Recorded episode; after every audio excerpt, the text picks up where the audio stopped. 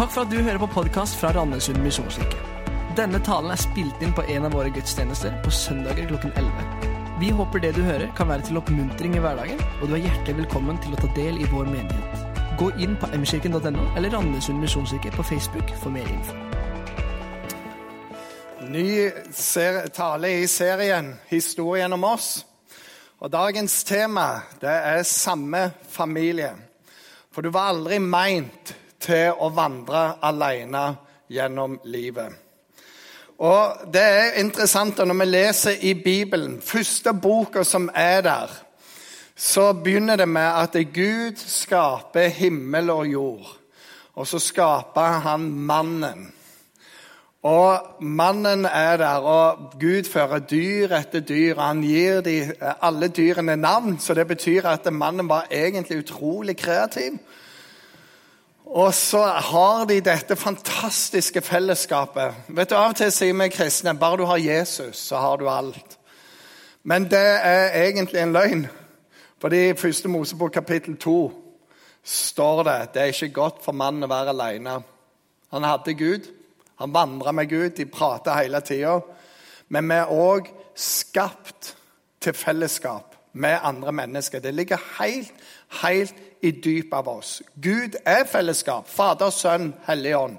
La oss skape. Og det har alltid vært sånn. Og vi trenger Gud, og vi trenger hverandre. Og, og det ligger så nære. Det er før syndefallet, i en perfekt verden, som er fortsatt skapt til fellesskap.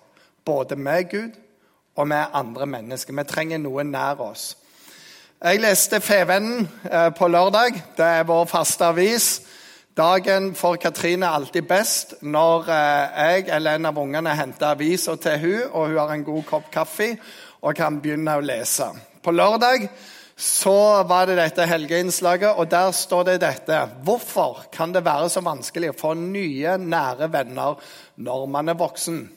Og så er det Joakim Aas Peter, Joakim Petersen som innrømmer åpent og ærlig at han sitter, sliter med å ta imot eller få nye, nære venner. Så En nydelig artikkel. Han er åpen. Og så er det andre som forteller litt forskjellig. Og noen som har klart dette. Og så er professorer inne, og folk som driver og forsker på det. Men det er vanskelig. Det er et folkeproblem. Eh, det som jeg ser da, det er at Hvis vi skal ta noe i vårt land, og vi skal holde oss i vårt land og litt i, i Amerika, i, England og i den vestlige verden Vi bodde fire generasjoner under samme tak. Så ble det tre. Så ble det to. Og så er det om å gjøre å få ungene fortest mulig ut av huset, så du kan bo én generasjon under ett tak.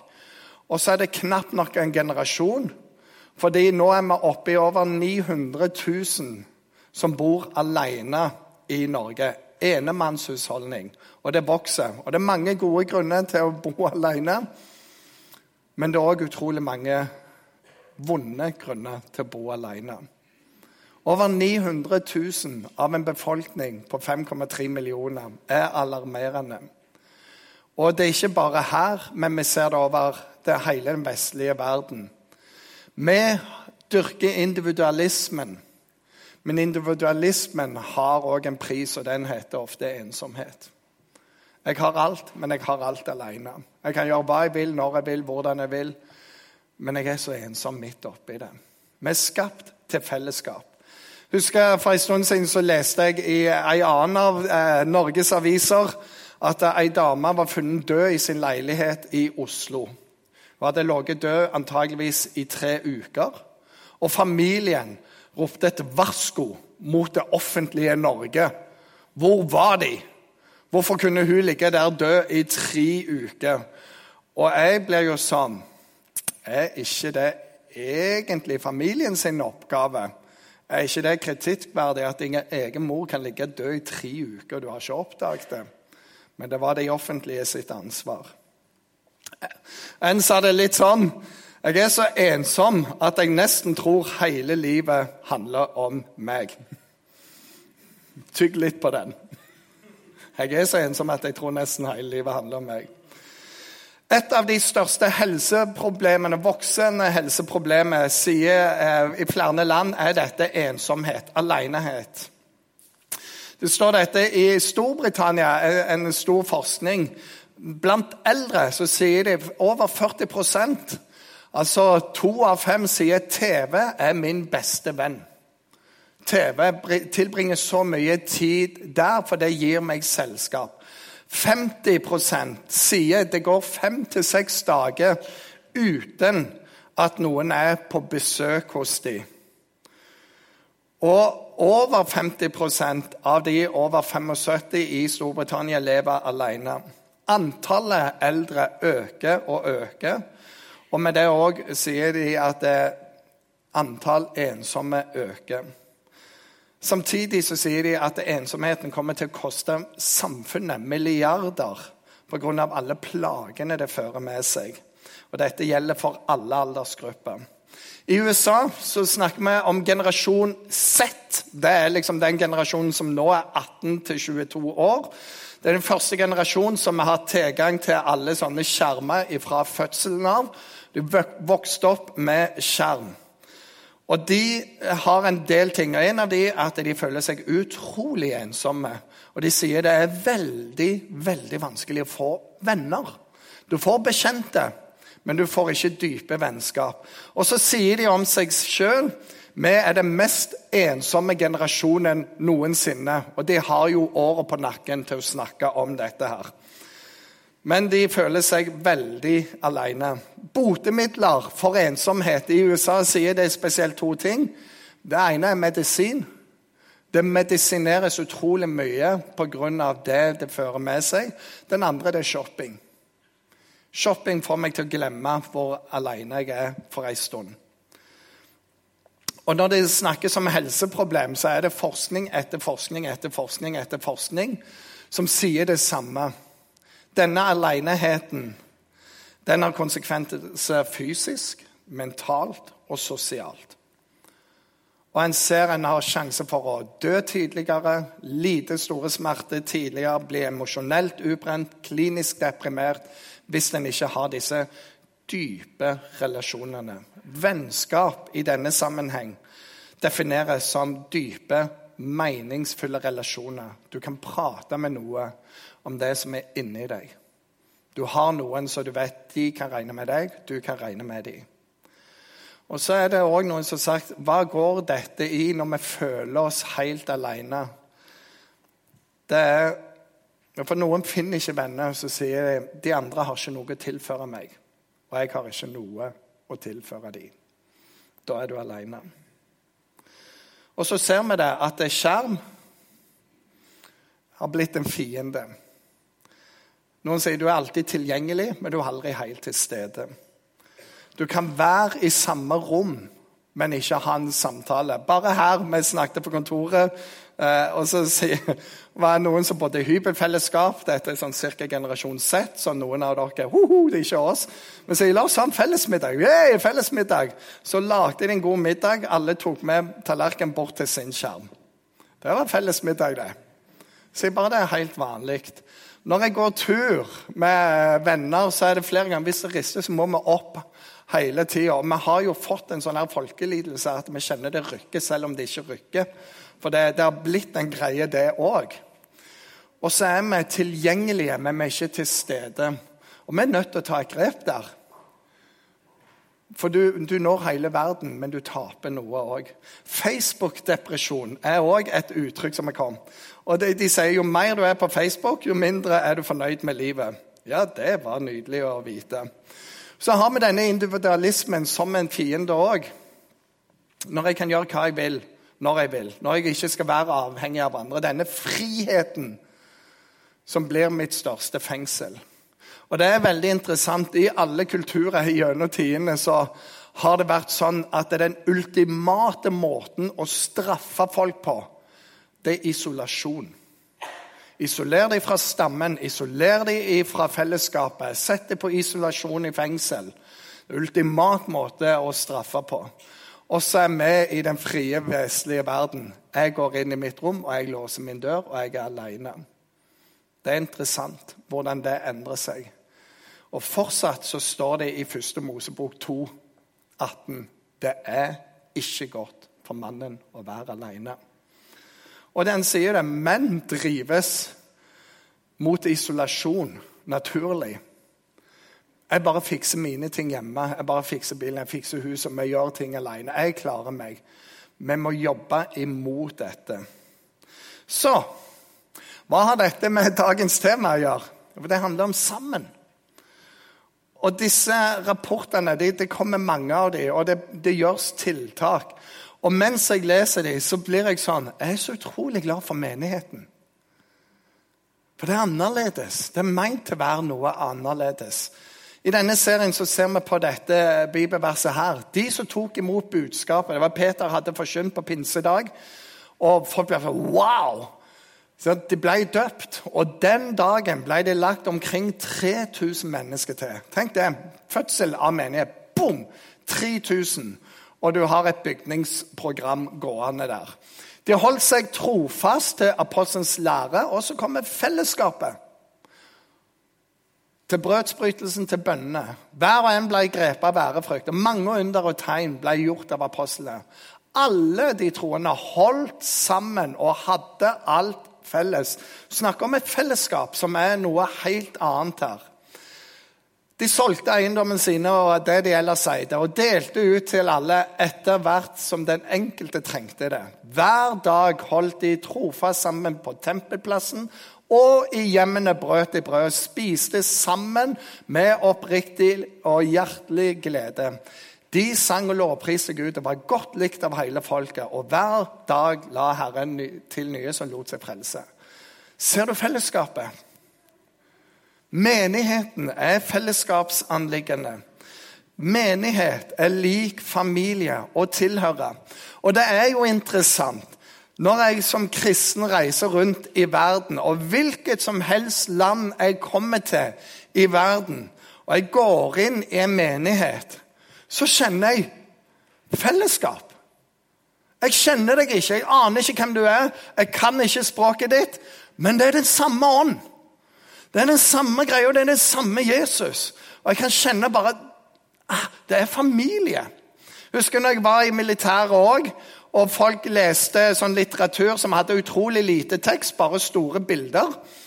Og så liksom var du kristen, slengte Bibelen på senga, og det første jeg hørte når jeg hadde gjort det, er du kristen, Voss?' Så var du liksom stempla for 300 mann der. Det var liksom, uhu, det er han kristne som har litteratur med bokstaver, og ikke bare bilder. Og så går du der og er bitte litt alene helt til vi kom. Der var samling for kristne. Og så kommer noen andre. Vet du hva? Det betydde ikke hva kirkesamfunn de var. eller hva, Det var noe en annen kristen. Han første jeg hilser på, sa hei. Jeg er fra Kristiansand og heter Ari Mathisen. Bom! Der var vi venner. Så tenkte jeg ja, ja, hva gjør det vel? Nei, det var det han tenkte. Hør, i menighet så Du er kalt til å tilhøre, ikke bare tro. Troen er personlig, men han er ikke en sånn individuell, privat ting. Han er personlig, men han er ikke privat. Du er kalt til å tilhøre, ikke bare å tro. Og Når vi leser gjennom Nytestamentet, så er alle disse bildene veldig sånn oss. Det er et fellesskap. Et av de store det er at vi er lemmer på et legeme. Jarle og meg var i eh, Florida, ofra oss for Herrens rike sak og reiste på seminar i Florida. Eh, og det er sånn alt makter vi i Han som gjør oss sterk. Og så var vi der, og så hadde de seminar om legeme. Vet du, Vi holdt på å le oss i hjel. You know, the body of Christ is all kinds of parts, and somebody got to be Og så, ja, og så hadde de forskjellige tjenester de var da. Og så er det noe Dette bildet dette funker kun hvis det er kobla på resten av kroppen. Hvis jeg hogger av der, så ligger han der, og det er dødt, og det råtner vekk. Og bildet er kristen er sammen. Når Jesus forlot denne jorda, så sa han Peter hadde en åpenbaring og du er Kristus. Du er den som vi skal vente på. Så sa han Peter, dette har ikke mennesket åpenbart deg, dette er himmelen. Og på den åpenbaring vil jeg bygge. Det er én ting jeg skal bygge her nede sin menighet. Jeg vil bygge min menighet på den åpenbaringen. Og det er det han bygger. Sin menighet. Familien. Vi er meint til å være der. Og så er det interessant òg, for dette ordet 'medlem' det er et kristent ord. Kom der først, og det kommer av denne herren lemmer på legemet. Du er et lem som er med. Du er ikke daukjøtt, som jeg kaller det på Jæren. Det er ikke særlig bra. Send den på agro. Det er liksom greia der. Men du er medlem. Jesus elska sin menighet og ga livet for det. Ga livet for oss. Inn i fellesskap. Og du er meint, altså du er med i den globale kirka, og derfor, når du reiser rundt, så er det bare sånn Wow! Og du får nød for folk på null komma niks. Det er farlig å reise rundt, for du ser Guds muligheter overalt. Tenk vi kunne gjort det. tenk vi kunne gjort det, tenk vi kunne gjort det. Og så må vi si ok, det er det globale, men du er med i en lokal menighet. Så hva er det Gud gjør her? For det er alltid lett fra utsida å se det, men hva er her? Du er meint til å være en del av en lokal menighet. Det hjelper deg ut av selvsentrert isolasjon, for det åpner perspektivet. Det hjelper deg å bygge åndelige muskler. Du er ikke alene. Og det å være i en sånn familie det hjelper deg å bevare troen, så du ikke faller fra. Og så har vi vi tenker vi har tre forskjellige fellesskap her. Det ene hver søndag så har vi møte. Det er det store fellesskapet. Det store fellesskapet. Det står dette her Skal vi eh, se eh, Legg merke til alle disse viene. Så har vi, da søsken, frimodighet ved Jesu blod til å gå inn i helligdommen. Det er framfor Jesus, dit han har innviet en ny og levende vei for oss gjennom forhenget, som er hans kropp.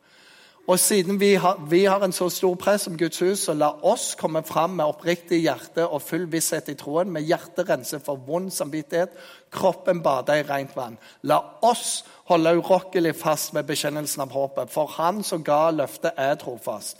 La oss ha omtanke for hverandre, så vi oppgløder hverandre til kjærlighet og gode gjerninger. Og la oss ikke holde oss borte når menigheten vår samles, slik som noen har for vane. La oss heller oppmuntre hverandre, og det er så mye som dere ser at dagen nærmer seg.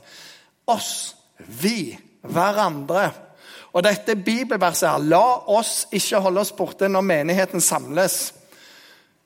Vet du hva, i dag så er det òg en av de tingene du kan gjøre mot denne isoleringen. For du er nødt til å bryte noe mønster. Du er nødt til å gjøre noe som du har en tilbøyelighet til å la være å gjøre. Jeg har en kamerat som er dansk, og når han var i Norge, studerte på Ansgar, gikk med på, eh, i Salem, så gikk han hver eneste søndag. Og så sier han, 'Hei, jeg heter Jakob Aaen. Er du ny her?' Og noen sa ja, jeg er ny. Ja, velkommen. Vil du jeg skal vise deg rundt og sånne ting? Ja, De var jo så forundra over denne utrolig hjertelige fyren. Og så var det bare det at det flere ganger ble folk litt fornærmet. Nei, nei, nei, jeg har jo gått i Salem i 15 år. Og sa jeg, å ja, men jeg er ny her, sa og da ble den maska litt lang. Men han hadde en enkel filosofi. Han hadde vært der to ganger, så hvis det var ny, så var jo han veteran. Og så gjorde han det litt òg for vi blir oss sjøl nok. Vi gjør ofte oss sjøl til et offer istedenfor å være litt offensiv. Og offer er en forferdelig plass å være. 'Jeg har ingen venner, jeg. Du vet, Det er vanskelig å få venner. Det er ingen som vil være med venner.' Jeg har ikke lyst til det. Og han var bare sånn 'Nei vel, jeg er ny, men det er ingen som hilser på meg, så jeg kan jo starte å hilse på folk.' Du må av og til bare være til glede. Hvordan får du venner? Vær en venn. Finn noen som trenger venner. De har nok med seg sjøl og kommer ikke inn i den gjengen. Hvem bryr seg om den gjengen? Det er utrolig mange ensomme. Det er meint å være inkluderende. Skal du være et offer, eller skal du bli offensiv? Og her, i, i, i konteksten, så vær litt offensiv. Kom deg opp. Gå på møte regelmessig. For det gjør godt for deg. Det bryter noe av isolasjonen. Den andre plassen du kan være offensiv Vi kommer til å snakke mye mer om gledens tjeneste neste gang. Men det er være tjeneste.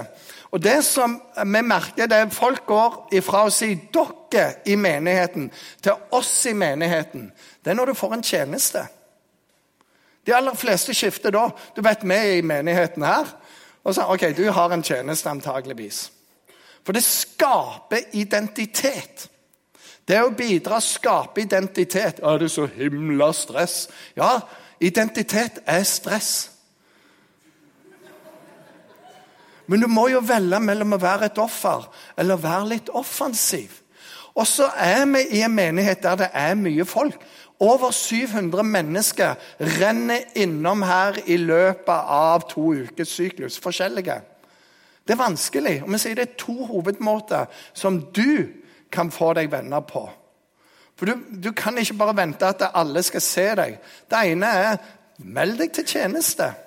For det som skjer, Du kommer i ei lita gruppe, og så begynner du å snakke med dem. Du tjenestegjør, du kjenner fjeset igjen, og så historie. Den andre tingen som vi skal se mer på i dag, det er smågrupper.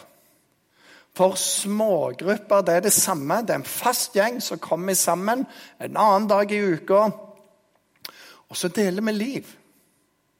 Og dette med å utvikle dype, meningsfulle relasjoner, det går jo på når jeg våger å si hva som er inni meg.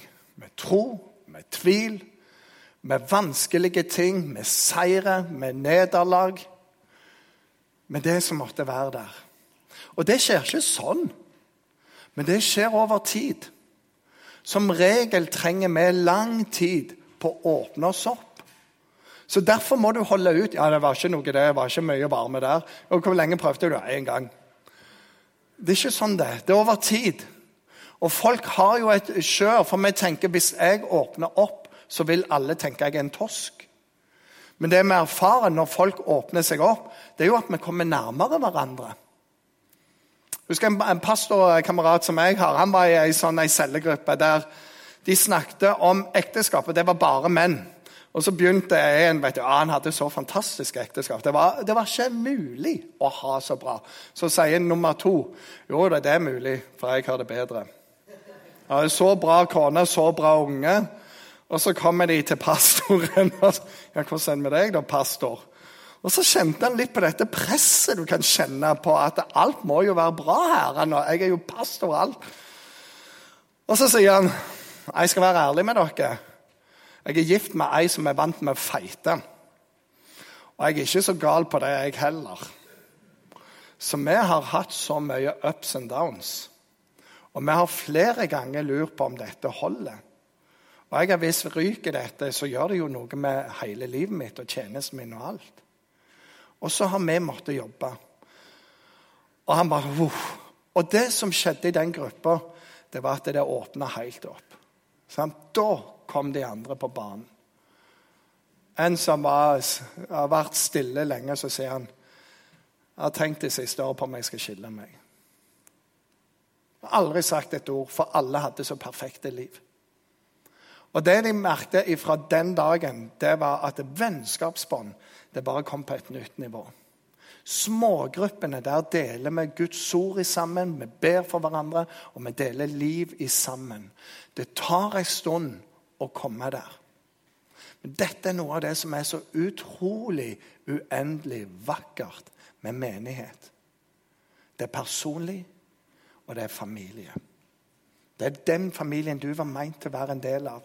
Historien om Randesund er jo òg en, en, sånn historie. Hvorfor starta menigheten? For å nå nabolagets barn.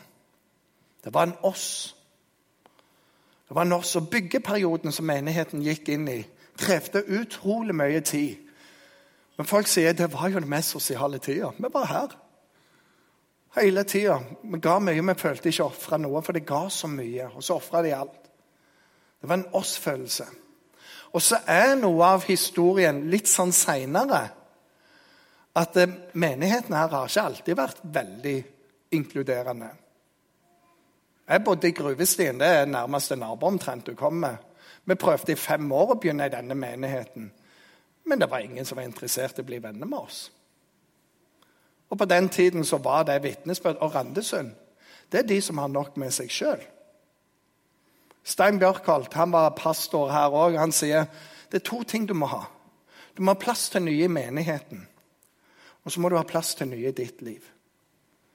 For det som ofte skjer når vi er på utsida av et fellesskap Vi søker desperat etter en plass å tilhøre, men opplever ofte at den ringen er litt sånn lukka. Du får ikke disse vennskapene, for vi har nok. Og hvis du endelig klarer å skvise deg inn en plass, så lukker vi døra. For vi er så redde for at vi sjøl havner på utsida, at det er bedre at andre bare er på utsida, enn at jeg sjøl havner på utsida. Og Det er i kontrast til Bibelen, som sier la oss gå på utsiden der de andre. La oss inkludere dem. Og så har menigheten her måttet jobbe med det. Og i dag så er det over 200 voksne i, i smågrupper. Det er over 150 unge i smågrupper. Fordi vi vil ikke at noen skal stå ufrivillig utenfor et fellesskap. Vi trenger gruppene. For der, der deler vi liv, der deler vi relasjoner. Der leser vi Bibelen sammen. Der kan vi utfordre hverandre, trøste hverandre. Og vi har et trykk på gruppene. Det er en plass vi skal være. Så vi tenker tre måter å være fellesskap på. Gå på gudstjenesten. Være med i en tjeneste. Og være med i et småfellesskap. Det motvirker isolasjon. Det motvirker ensomhet. Og så må du ta disse stegene ifra å være et offer til å være litt offensiv. Meld deg på. Ikke gi opp. Kom igjen. For vi er meint til relasjon. Det står i Bibelen òg at vi skal legge vind på gjestfrihet. Ikke det stress? Det er bibelverset der. Legge vind på gjestfrihet. Men det betyr at vi åpner hjemmet. I tide og i utide. Stort sett så er jo det utide. Men det står 'legg vind på det'. For det er noen som trenger at du gjør det. Det handler ikke om deg. Det handler om de andre. Og så er alle som har vært på utsida av et fellesskap, som har ønska å komme inn, som syns det er vanskelig, de har båret en bønn. Gud, kan du gi meg en plass å være? Og når vi sier nei, de passer ikke helt Nei, nå har vi så mange Ja, men vi trenger bare hverandre. Da er du aldri et bønnesvar. Vær et bønnesvar. Og det er noe med den der Ikke leit etter venner, vær en venn. Ikke vær så opptatt av å få bønnesvar som å være et bønnesvar. Og Det er noe å, å, å skru det litt rundt. Si Gud, hvem kan trenge meg nå? Hvem kan trenge oss nå? Hvem kan vi være til for? Igjen noen venner som nå akkurat hadde fått alle ungene ut av huset og sa yes, nå er vi der. To uker etterpå så var det to som trengte et hjem å være i. Så sa vi trodde vi var ferdig med det, men tydeligvis hadde Herren andre planer. Var det litt stress? Definitivt. Litt forandring av planer? Definitivt. Men det var noen som trengte det, og det talt mye mer. Det er ikke godt for mannen eller kvinnen å være alene. Jesus kom han ga oss menigheten. Vi er meint til å være en del av det. Og det er historien om oss som er her. Så dette er min bønn for meg og for deg og for oss. At vi skal være kjent som en utrolig raus, inkluderende menighet. Det er Jesus som er i sentrum for oss. For Jesus er den beste vi kan gi til oss sjøl og til hverandre. Men vi er sånn som han var sånn. Vi er ikke sånn. La oss være sånn. Det handler ikke om å ha de rette folka rundt seg. Det handler om å ha Jesus i midten og se hvor mange vi kan bringe med til han. Og dette vil vi fortsette å bygge. Og jeg håper du vil være med. Gå på gudstjeneste. Vær med i smågrupper, vær med i en tjeneste. Du er skapt til fellesskap, og Gud har gitt oss menigheten. Himmelske Far, jeg takker deg for det, at du har gitt oss menigheten. Jeg takker deg for det bibelverset. Det er ikke godt for noen å være alene. Og all forskning i den vestlige verden sier noe om det. Og her Akkurat nå så, så tror jeg noen kan kjenne på denne ensomheten. For forskningen sier òg det at over halvparten av oss kjenner oss alene. Selv om vi har en familie, selv om vi ikke bor alene, selv om vi har folk rundt oss, så kjenner vi oss fortsatt alene. Herre, hjelp oss å koble oss inn på deg, og hjelp oss å være offensive, så vi aktivt våger å velge inn smågrupper, tjenester, være aktive, oppsøke ting, være til velsignelse. Jeg ber om det i Jesu navn. Amen.